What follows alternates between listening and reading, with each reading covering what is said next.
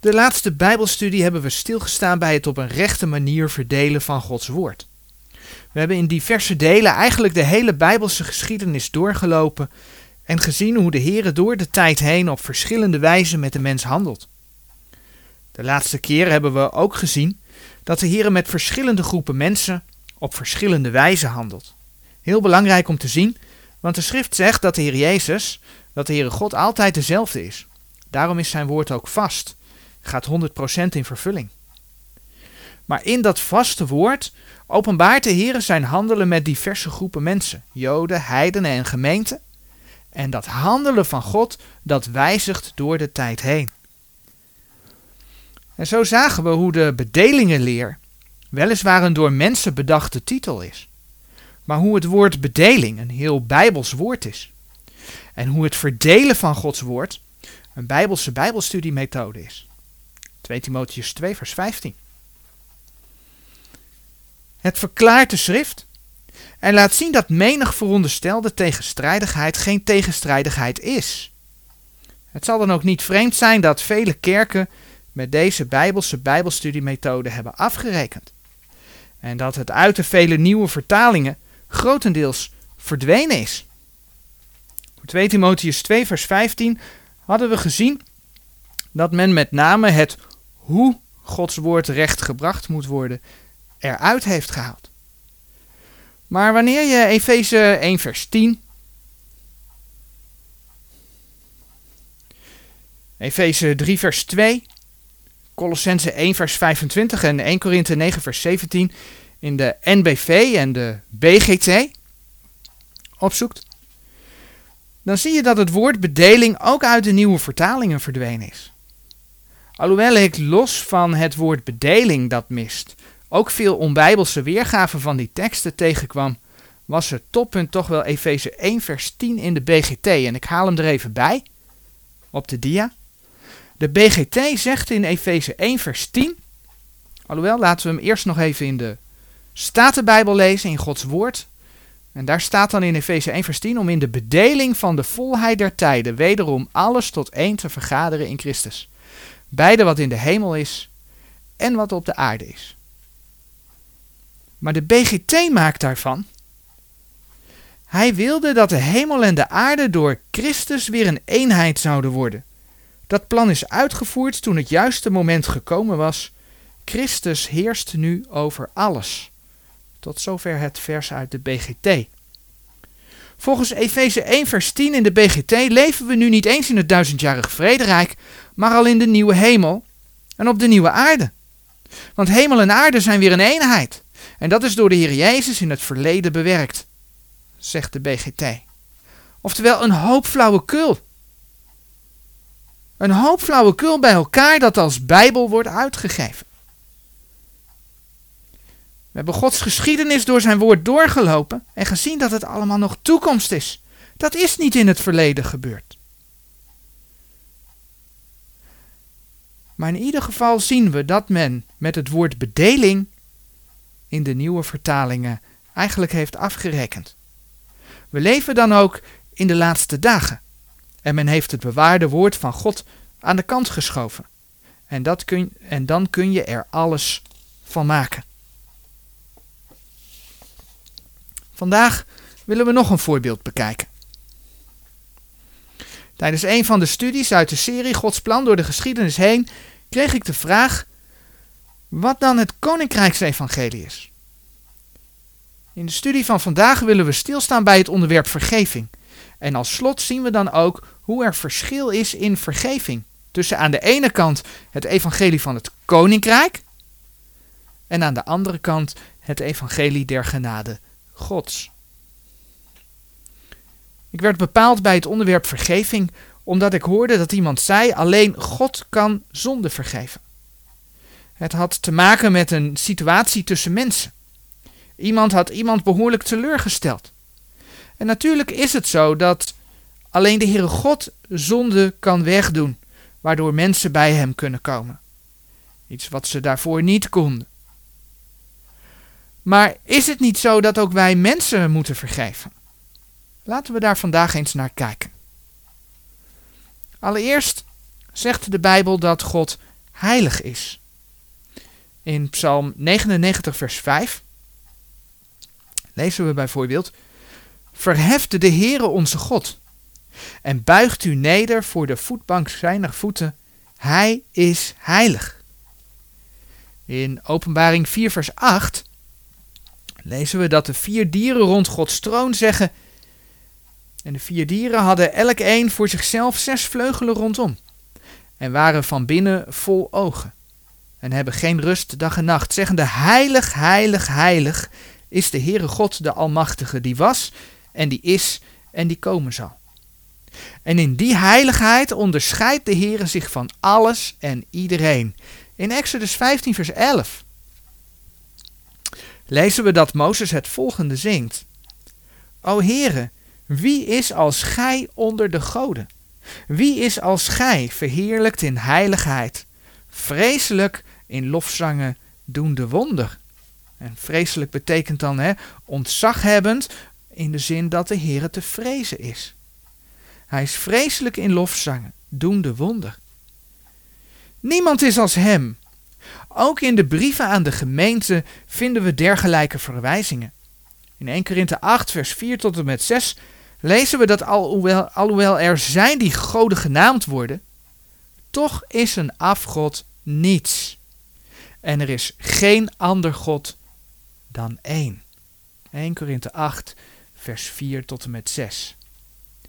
En die heiligheid van God bewerkt dat hij met niets dat verontreinigt in aanraking wil komen.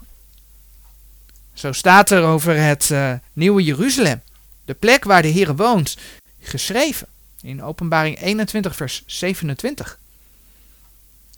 En in haar zal niet inkomen iets dat ontreinigt en gruwelijkheid doet en leugen spreekt, maar die geschreven zijn in het boek des levens des lams. En zonde verontreinigt de mens. Over de grote verzoendag onder de wet lezen we reeds dat de hoge priester voor zichzelf en voor het volk verzoening moest doen. In Leviticus 16, vers 16 lezen we bijvoorbeeld gedeelte over de grote verzoendag. Leviticus 16, vers 16. Zo zal hij voor het heilige, vanwege de onreinheden der kinderen Israëls en vanwege hun overtredingen, na al hun zonden verzoening doen. En alzo zal hij doen aan de tent der samenkomst, welke met hen woont in het midden hunner onreinheden. Dus zonden verontreinigen de mens.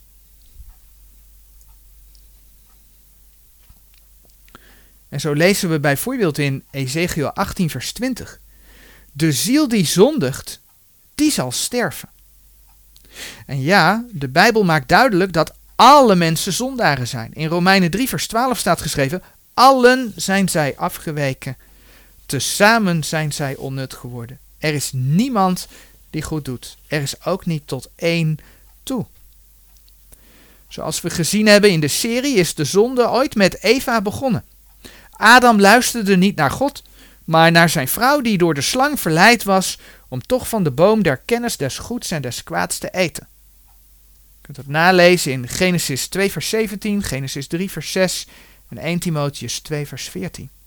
En daardoor, zegt Gods woord, is de dood in de wereld gekomen en tot alle mensen doorgegaan. Romeinen 5 vers 12 zegt daarover. Daarom gelijk door één mens de zonde in de wereld ingekomen is en door de zonde de dood. En alzo de dood tot alle mensen doorgegaan is, in welke allen gezondigd hebben. Dat alle mensen erfelijk belast zijn met de zonde, blijkt wel uit het volgende voorbeeld van hele kleine kinderen. Als ze nog niet kunnen praten, nog, nog net kunnen kruipen, zeg maar, maar ze al wel een beetje besef hebben van wat papa en mama uh, goed vinden of niet.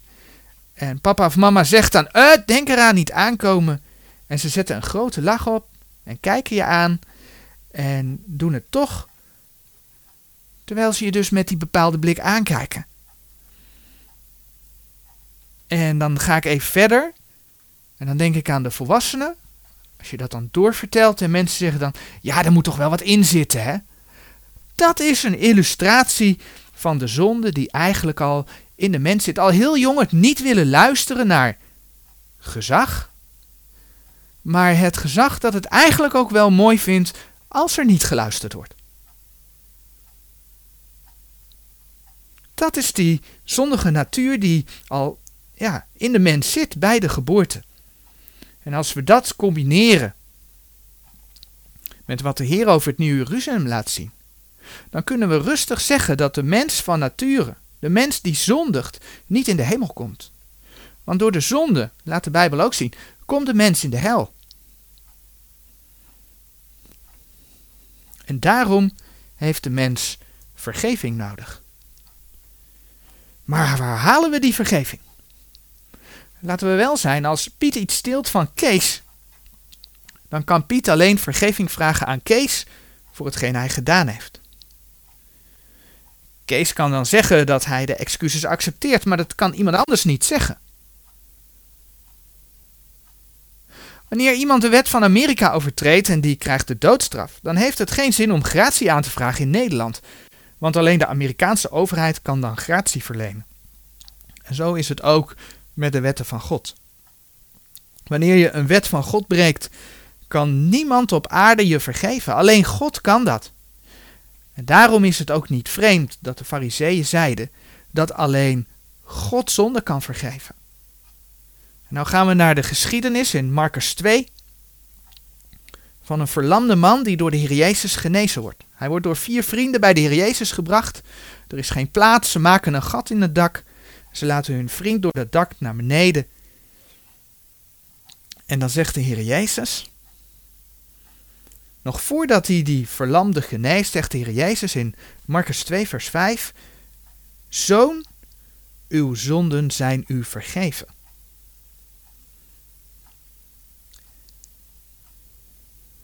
Maar de Fariseeën, die zeggen dan in Marcus 2, vers 7: Wat spreekt deze al dus godslasteringen? Wie kan de zonde vergeven dan alleen God? Wie kan de zonde vergeven dan alleen God? En zo vreemd was dat niet dat die fariseeën dat zeiden. Want in Psalm 130 vers 4, Psalm 130 vers 4, daar lezen we bijvoorbeeld. Psalm 130 vers 4. Maar bij u is vergeving, opdat gij gevreesd wordt. Verder terugbladerend naar Psalm 32, vers 5. Psalm 32, vers 5. Daar lezen we. Mijn zonde maakte ik u bekend en mijn ongerechtigheid bedekte ik niet. Ik zeide, ik zal beleidenis van mijn overtredingen doen voor de Heere. En gij vergaaft de ongerechtigheid mijner zonde. Of zoals Jeremia, eh, Jeremia sorry, Jezaja 43 vers 25 zegt. En het staat op de dia. Jezaja 43 vers 25. Ik, ik ben het die uw overtredingen uitdelg om mijnentwil.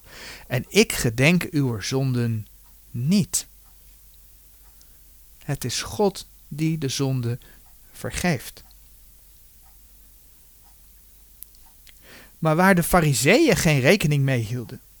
Beter gezegd, waar ze geen rekening mee wilden houden, kijk maar in Johannes 10 vers 30 tot en met 33, was dat de Heer Jezus God geopenbaard in het vlees was. 1 Timotheus 3 vers 16. En dat wilden die fariseeën niet. Maar de Heer Jezus was God geopenbaard in het vlees. Hij kon dus de zonde vergeven. Daarom zei hij ook tegen hen: wat is lichter te zeggen tot de geraakte? De zonden zijn u vergeven. Of te zeggen, sta op en neem uw beddeken op en wandel. En dat lezen we in Marcus 2, vers 9. Wat is lichter te zeggen tot de geraakte? De zonden zijn u vergeven. Of te zeggen, sta op en neem uw beddeken op en wandel.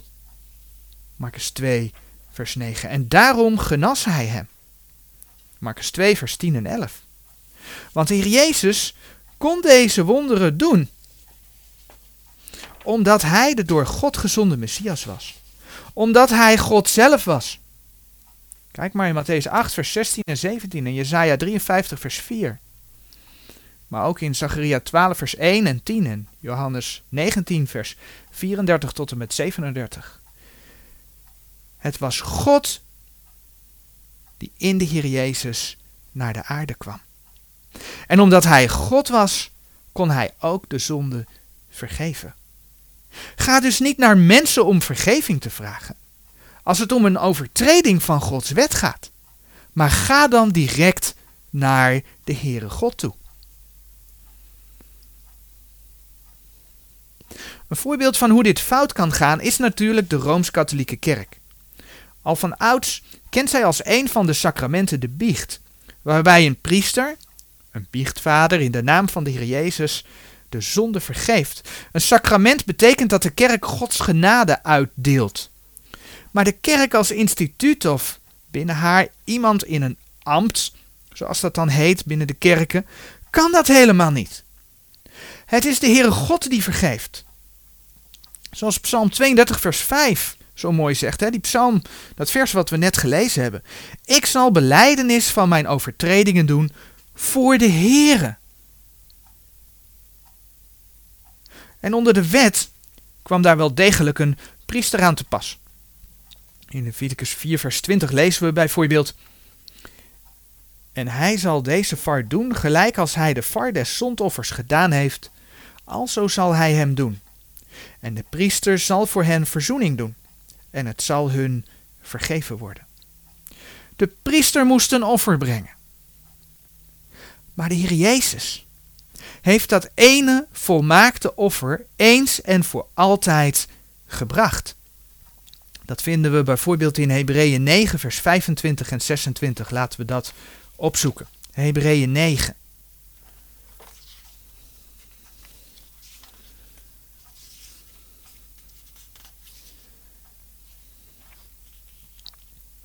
In Hebreeën 9, vers 25 en 26 lezen we het volgende.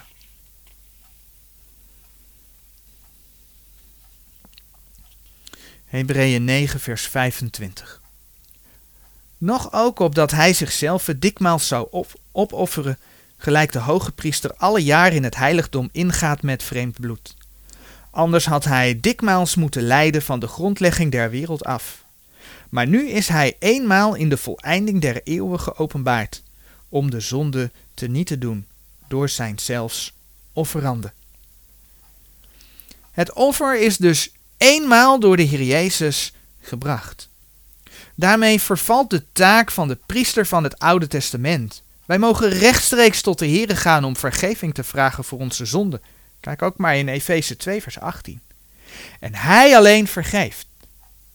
En de Heer Jezus is daarbij, zegt Gods woord in 1 Johannes 2, vers 1, onze voorspraak, een soort advocaat. Hij alleen is de middelaar tussen God en mensen, zegt 1 Timotheus 2, vers 15. Het priesterschap, zoals dat in het Oude Testament was, is dus niet voor de gemeente. En het feit dat de Rooms-Katholieke Kerk zegt te bemiddelen in de zondevergeving, gaat volledig voorbij aan het volbrachte werk van de Heer Jezus. Toch heeft men een tekst waarop men de biecht baseert. En laten we die tekst opzoeken in Johannes 20, vers 23. Johannes 20, vers 23. En dan lezen we daar Zo gij iemands zonde vergeeft, dien worden ze vergeven. Zo gij iemands zonde houdt, dien zijn ze gehouden. Wat zal deze tekst dan betekenen? De Rooms-Katholieke Kerk doet voorkomen dat via de apostelen deze opdracht bij hun pausen en hun priesters terecht is gekomen. Echter, het is allereerst goed om te realiseren dat de Heer Jezus deze uitspraak deed tegen de avond van de eerste dag der week. En toen waren er niet alleen de tien discipelen, de twaalf min Judas min Thomas, maar ook anderen. De discipelen bestonden namelijk uit de elf directe volgelingen, maar ook uit die met hen waren. Kijk maar in Lucas 24, vers 33. Met andere woorden, alle volgelingen van de Heer Jezus hebben blijkbaar de macht van Johannes 20, vers 23. En blijkbaar had Paulus die macht ook. Kijk maar wat hij schrijft in 2 Korinthe 2, vers 10. En laten we dat vers erbij pakken. 2 Korinthe 2, vers 10. In 2 Korinthe 2, vers 10, daar lezen we. Dien gij nu iets vergeeft, dien vergeef ik ook. Want zo ik ook iets vergeven heb, dien ik vergeven heb, heb ik het vergeven om uwentwil, voor het aangezicht van Christus. Opdat de Satan over ons geen voordeel krijgen. Ik geloof dat dit vers en Johannes uh, eh, 20 vers 23 bijbels gezien op twee, eigenlijk drie manieren toe te passen is. Aan de ene kant verwijst dit ernaar dat wij ook elkaar moeten vergeven. En daar zal ik straks nog op terugkomen. Maar ook verwijst dit vers naar de prediking van de vergeving van de zonde. Iedere keer wanneer een gelovige iemand het aanbod van genade doet, kunnen zijn zonden namelijk vergeven worden. Niet door degene die het aanbod doet, maar door de Heere zelf. En in Handelingen 13, vers 38 en 39. Het staat op de dia, maar ik zal hem uh, voorlezen. In Handelingen 13, vers 38 en 39 lezen we. Zo zij u dan bekend, mannenbroeders, dat door deze uw vergeving der zonde verkondigd wordt. En dat van alles waarvan gij niet kondet gerechtvaardigd worden door de wet van Mozes, door deze een iegelijk die gelooft gerechtvaardigd wordt. Dus iemand kan het aanbod doen. En als iemand dat aanneemt, dan worden zijn zonden vergeven. Niet door degene die het aanbod doet, maar door de Heer zelf. En zo mag iedere gelovige uitroepen met 2 Korinthe 5 vers 20. Zo zijn wij dan gezanten van Christus wegen, alsof God door ons baden. Wij bidden van Christus wegen, laat u met God verzoenen. En als iemand zich met God laat verzoenen, dan zijn zijn zonden vergeven. En dat feit mag iedere gelovige zo iemand in de naam van de Heer dan ook vertellen. Maar natuurlijk is het tegendeel ook waar. Als iemand zich niet met God laat verzoenen, dan zijn zijn zonden niet vergeven. En dan is er nog een, een, een, een derde. Zoals de Heer Jezus aan het kruis zei: Vader, vergeef het hun, want ze weten niet wat ze doen. Dat staat in Lucas 23, vers 34. Mogen ook wij, als mensen ons iets aandoen, met bijvoorbeeld Stefanus zeggen: Here, reken hun deze zonde niet toe. Laten we dat vers in, in Handelingen 7 lezen, Handelingen 7, vers 60. Stefanus die geeft verantwoording van zijn geloof. En die gelooft in de Heer Jezus en dan wordt hij gestenigd. En terwijl hij gestenigd wordt, dan lezen we in Handelingen 7, vers 60. En vallende op de knieën riep hij met grote stem: Heere, reken hun deze zonde niet toe.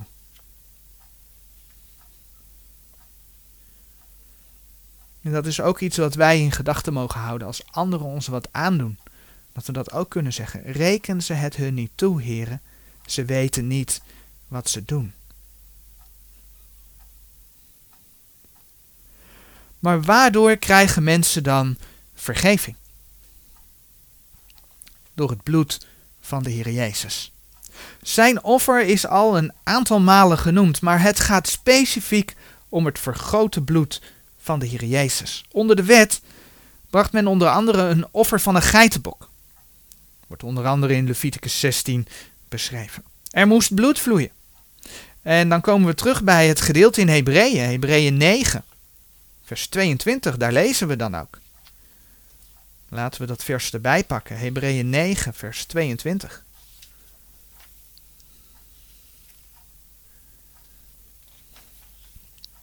Hebreeën 9, vers 22. En alle dingen worden bijna door bloed gereinigd naar de wet. En zonder bloedstorting geschiet geen vergeving. In de wet staat namelijk, in Leviticus 17, vers 11.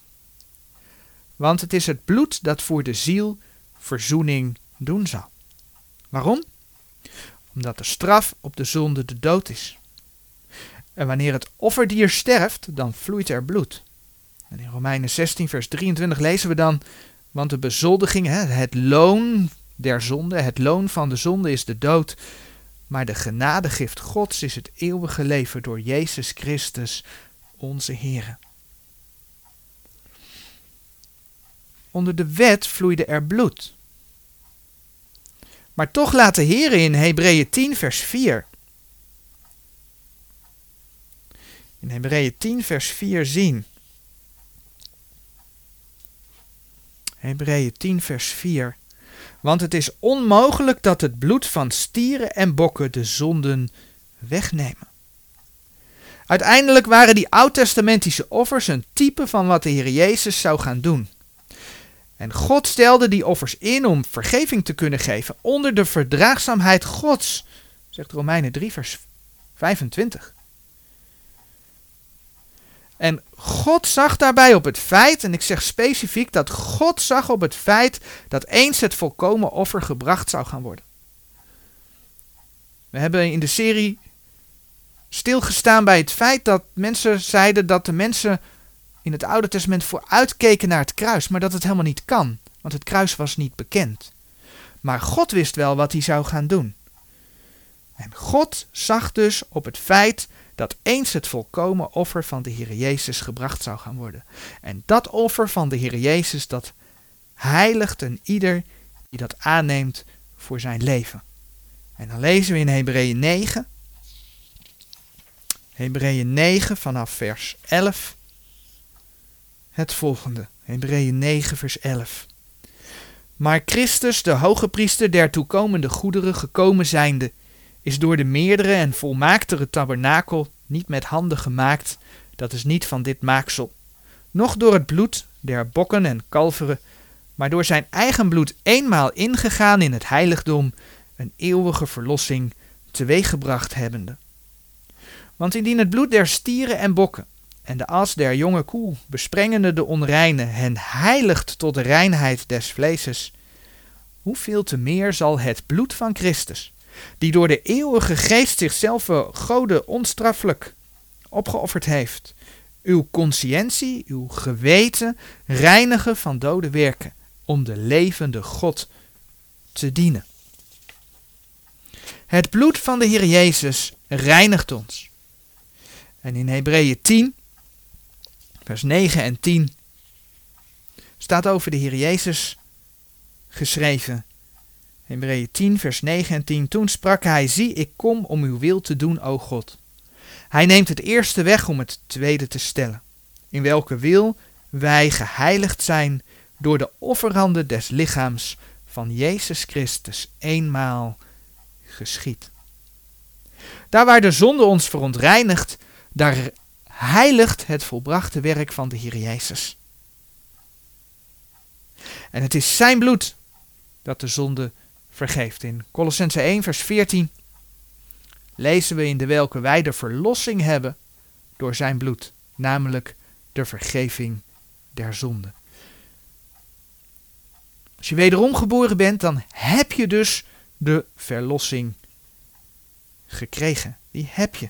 Waardoor? Door zijn bloed, de vergeving der zonde. Nu moeten we onderscheid maken tussen onze zondige natuur,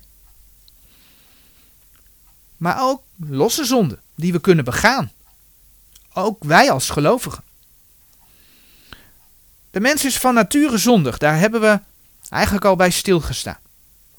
Efeze 2, vers 2 en 3 noemt de Heere de mens van nature dan ook kinderen der ongehoorzaamheid.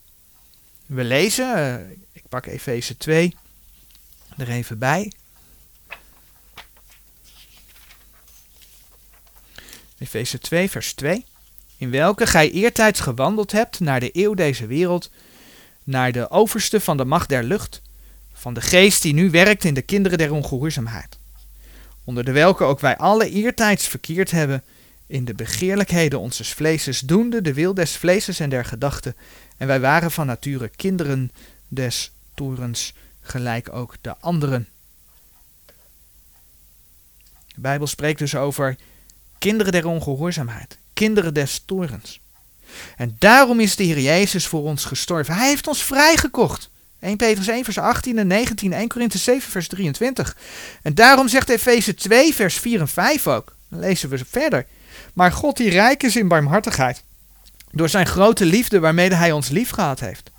Ook toen wij dood waren door de misdaden, heeft ons levend gemaakt met Christus. Uit genade zijt gij zalig geworden. Hij heeft ons gereinigd. Hij heeft ons verlost van alle ongerechtigheid, zegt Titus 2, vers 14. En hoe kan dat? Kan dat? Wanneer we vertrouwen op het volbrachte werk van de Heer Jezus, dan worden we door de geest in het lichaam van de Heer Jezus gedoopt. 1 Korinthe 12, vers 13. Dan zijn we met hem begraven, met hem gestorven, met hem opgestaan. Gelaten 2, vers 20 zegt dan zo mooi, de tekst verschijnt op de dia. Ik ben met Christus gekruist en ik leef, doch niet meer ik, maar Christus leeft in mij. En hetgeen ik nu in het vlees leef, dat leef ik door het geloof des Zoons Gods, die mij lief gehad heeft en zichzelf voor mij overgegeven heeft. Of zoals 2 Korinthe 5 vers 21 zegt, dat de wederom geboren gelovigen rechtvaardigheid Gods is in de Heere Jezus. Maar betekent dat dan dat we als gelovigen geen zonde meer doen? Nee, ook een gelovige kan zondigen. En in uh, Efeze 5, vers 8, daar lezen we bijvoorbeeld. Efeze 5, vers 8. Want gij waart eertijds duisternis, maar nu zijt gij licht in de Here. Wandelt als kinderen des lichts. En Efeze 5 vers 11 gaat dan als volgt verder. En hebt geen gemeenschap met de onvruchtbare werken der duisternis, maar bestraft ze ook veel eer. En dit is geschreven aan de gelovigen in de Heer Jezus. Kijk maar in Efeze 1 vers 1. En hoe kun je de zonde dan bestraffen? Nou, dat is een kwestie van bezig zijn met Gods woord, Gods woord lezen. Dan maakt de Heer je door zijn woord duidelijk ja, hoe hij over, over de dingen denkt. En dan kom je soms dingen tegen dat je denkt van, hé, hey, maar dat heb ik wel gedaan. En dan kun je dat beleiden. Kun je dat bij de Heer brengen en zeggen, Heer, vergeef mij en help mij om dat niet meer te doen. Gelaten 5 vers 25 zegt het met andere woorden. Indien wij door de geest leven, we zijn wederom geboren, dus we zijn levend door de geest, zo laat ons ook door de geest wandelen. Blijkbaar hebben wij als kinderen van God de keuze om wel of niet te wandelen als kinderen des lichts, als kinderen van het licht. Blijkbaar kunnen wij nog steeds de werken der duisternis doen. Het is niet voor niets dat de apostel Paulus aangeeft dat hij vaak dingen doet die hij eigenlijk niet wil doen. Een heel belangrijk schriftgedeelte dat erover gaat is Romeinen 7. Romeinen 7 vanaf uh, vers 14 eh, tot 23 zo'n beetje, tot 26. En dan zegt uh, de apostel in vers 15 bijvoorbeeld, want hetgeen ik doe, dat ken ik niet, want hetgeen ik wil, dat doe ik niet. Maar hetgeen ik haat, dat doe ik. En daarom hebben wij een voorspraak bij de Vader. 1 Johannes 2, vers 1 zegt.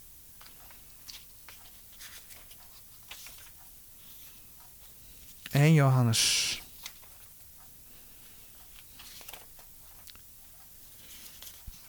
2 vers 1. Mijn kinderkes, ik schrijf u deze dingen opdat gij niet zondigt. En indien iemand gezondigd heeft, wij hebben een voorspraak bij de Vader, Jezus Christus, de rechtvaardige.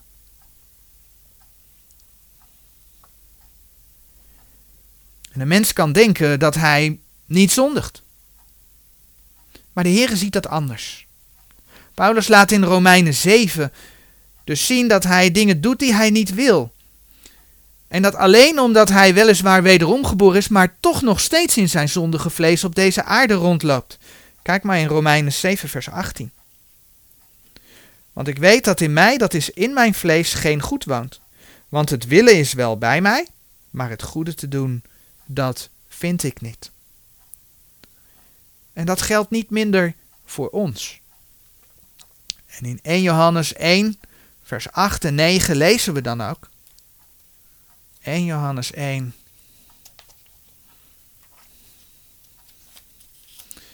...1 Johannes 1, vers 8 en 9 lezen we dan ook... ...indien wij zeggen dat wij geen zonde hebben...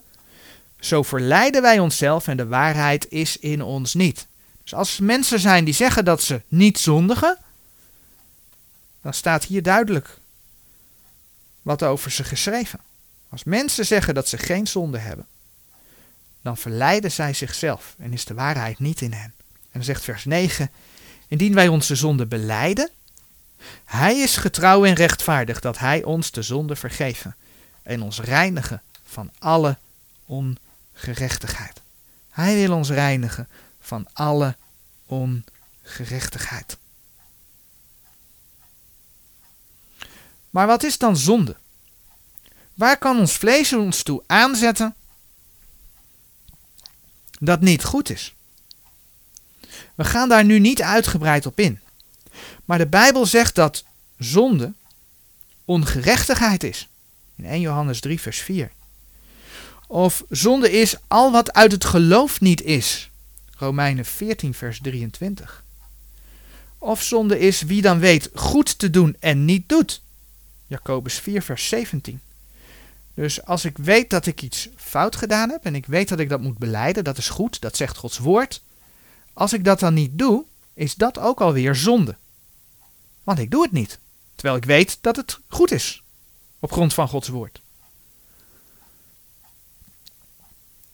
Een zondaar is, zegt Jacobus 2 vers 11, een overtreder der wet. Het gaat bij zonde echt niet alleen maar om zaken die mensen doorsnee ook als verkeerd zien. En dan kun je denken aan moord, of ontucht. Daar kun je volgens Nederlands strafrecht ook voor veroordeeld worden. Maar het gaat om allerlei dingen die tegen de wil van God ingaan. En dan kan dat dus ook zijn uh, het eten van de vruchten door Eva. Vloeken, mijneet, tradities volgen, goddeloosheid, overspel. En noem maar op. En op de dia staat een heleboel meer dat komt uit onder andere Exodus 20 en Marcus 7, Romeinen 1, 1 Korinthe 6, Galaten 5, Colossense 3, 1 Timotheus 1.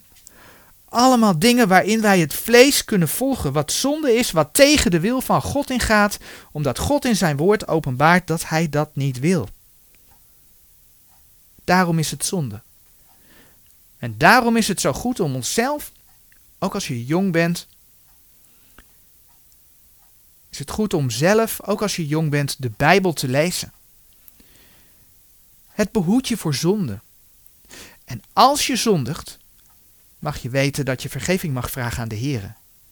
In ieder geval zien we dat ook de gelovige dagelijks in gebed mag gaan tot de Heer om vergeving te vragen voor de zonde die hij gedaan heeft. En dat zijn dan vaak de bewuste zonden, maar we mogen ook beleiden dat er misschien onbewuste zonden zijn in ons leven. Ik vond dat in Psalm 19, vers 13. Dingen die we gewend zijn te doen, terwijl de Heer dat eigenlijk niet wil. Onbewuste zonde. Psalm 19, vers 13. Mogen we ook beleiden. En het bloed van de Heer Jezus reinigt van alle zonde. En de teksten die we eerder gelezen hebben, Handelingen 13, vers 38 en 39, gaan we er even bij pakken. Handelingen 13, vers 38 en 39.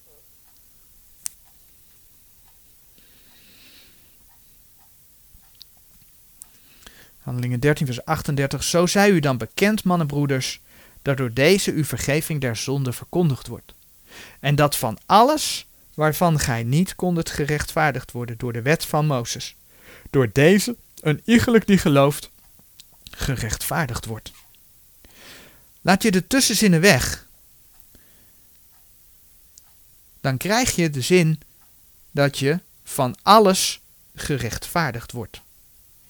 Ja, de voorwaarden van de tussenzinnen, samengevat hè, door het geloof in de Heer Jezus, die horen erbij.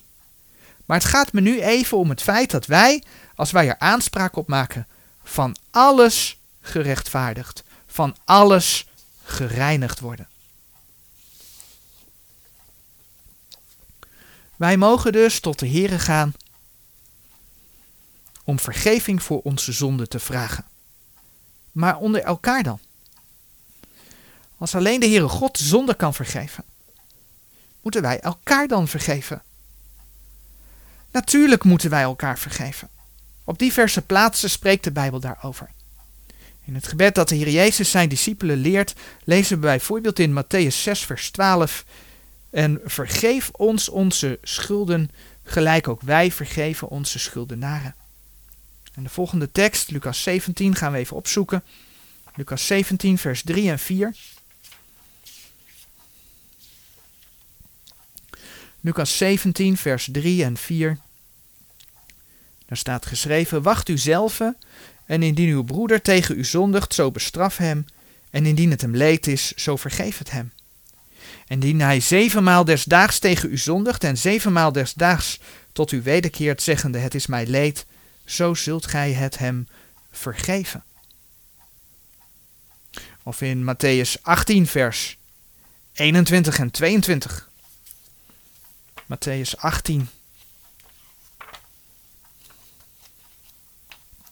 Matthäus 18, vers 21.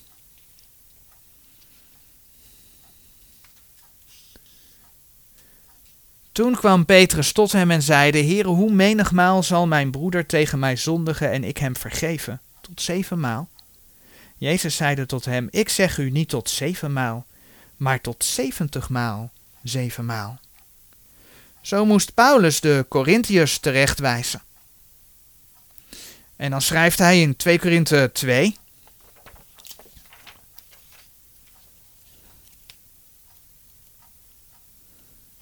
...2 Korinthe 2... ...vers 5... ...tot en met 8... ...het volgende. 2 Korinthe 2 vers 5... ...doch indien iemand bedroefd heeft... ...die heeft niet mij bedroefd... ...maar ten dele... ...opdat ik hem niet bezwaren... ...u allen... De zodanige is deze bestraffing genoeg, die van velen geschied is, alzo dat gij daarentegen hem liever moet vergeven en vertroosten, opdat de zodanige door al te overvloedige droefheid niet enigszins worden verslonden. En dan vers 8 nog, daarom bid ik u dat gij de liefde aan hem bevestigt. Tegenwoordig zou men de bestraffing waarschijnlijk het liefst achterwege laten. Maar Gods woord is duidelijk. Als er een bestraffing moet komen, dan moet die komen. Maar als iemand dan tot inkeer komt, dan moet men dus ook kunnen vergeven. Niet voor niets lezen we in Colossense 3 vers 13 verdragende elkander en vergevende de een de ander, zo iemand tegen iemand enige klacht heeft, gelijkerwijs als Christus u vergeven heeft, doet ook gij alzo.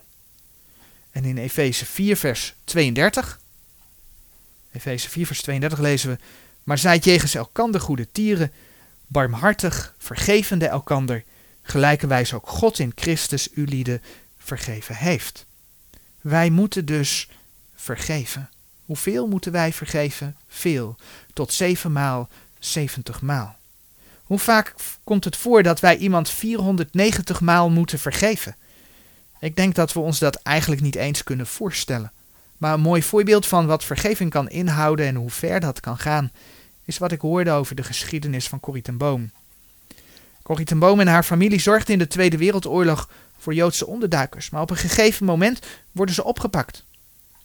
Corrie en haar zus Betsy komen in het concentratiekamp Ravensbrück, waar ze alle verschrikkingen meemaken en waar Betsy sterft. Maar na de oorlog komt Corrie een voormalig SS'er tegen uit het kamp Ravensbrück. Hij wil haar de hand geven en zegt zoiets als: Wat ben ik blij dat de Heer Jezus ook voor mijn zonde gestorven is. En Corrie weigert in eerste instantie de hand en ziet alles wat er in Ravensbrück gebeurde weer aan zich voorbij trekken.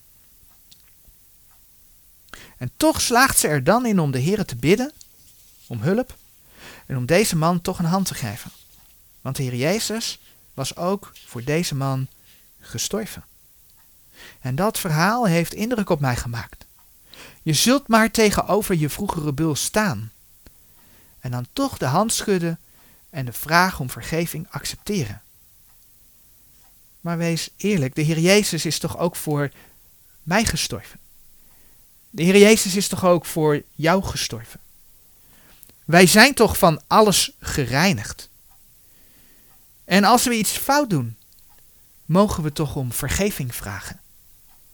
Laten ook wij anderen vergeven. Maar toch nog even terugkomend op de teksten die laten zien dat wij anderen moeten vergeven. Er is een duidelijk verschil tussen de teksten in Matthäus en de tekst in de brief aan de gemeente. En dan kom ik bij het verschil tussen het koninkrijksevangelie, zoals de Heer Jezus en de discipelen dat verkondigden hè, toen de Heer Jezus op aarde was, en het evangelie der genade God, zoals Paulus dat van de Heer Jezus heeft gekregen voor de gemeentetijd. En dan zie je dat er wel degelijk een heel duidelijk verschil in verkondiging is. In Matthäus 6, vers 12 hebben we gelezen: En vergeef ons onze schulden, gelijk ook wij vergeven onze schuldenaren. Hieruit kun je afleiden dat je dus moet vergeven om zelf vergeven te worden. En de uiterste consequentie daarvan zou zijn dat de gelovige alsnog verloren kan gaan. Want als jouw zonden niet vergeven worden en je bent zondig, dan hebben we gezien, zonde leidt ertoe dat je naar de hel gaat. Ik zeg niet dat dat nu kan gebeuren, maar de consequentie van dit vers, als je dat op de gemeente zou toepassen, zou die consequentie zijn. En dat dit vers in de context van Matthäus 6 in ieder geval zo bedoeld is, blijkt ook uit de toelichting die in feite bij die versen komen. In Matthäus 6, vers 14 en 15 lezen we namelijk. Matthäus 6.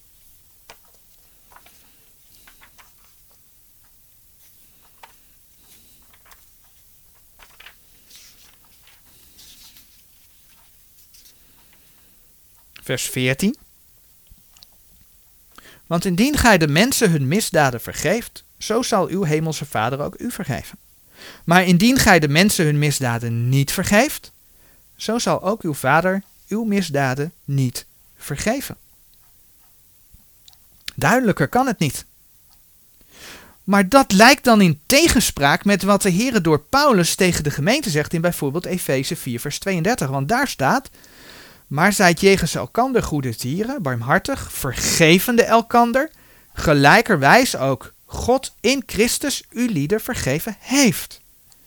Daar vinden we geen indien. Wij behoren te vergeven, omdat wij vergeven zijn. En daar zien we dan opeens een verschil tussen twee soorten evangelie. Het evangelie van het koninkrijk voor het kruis van de Heer Jezus zegt dat je moet vergeven, zodat de Heer jou vergeeft. Iets wat dus weer terug gaat komen als het koninkrijk van de Heer Jezus op aarde aanwezig is. Maar de ontwikkeling na het kruis is verder gegaan. Want bij het kruis ontstond de gemeente van de Heer Jezus. En de gemeente van de Heer Jezus is op grond van zijn volbrachte werk vergeven. Exact zoals Colossense 1 vers 14 zegt, in de welke is wie? Is de Heer Jezus. In de welke wij de verlossing hebben door zijn bloed. De verlossing hebben. Namelijk de vergeving der zonden. Dat kun je overigens ook in Efeze 1, vers 14 lezen. De gelovige in de gemeentetijd heeft de verlossing verkregen. Dat is een bezit. Daar zitten geen verdere voorwaarden aan vast. Zijn zonden zijn dus vergeven. En de gelovige wordt opgeroepen om daaruit te leven. En dus ook anderen te vergeven. Tot zover voor vandaag.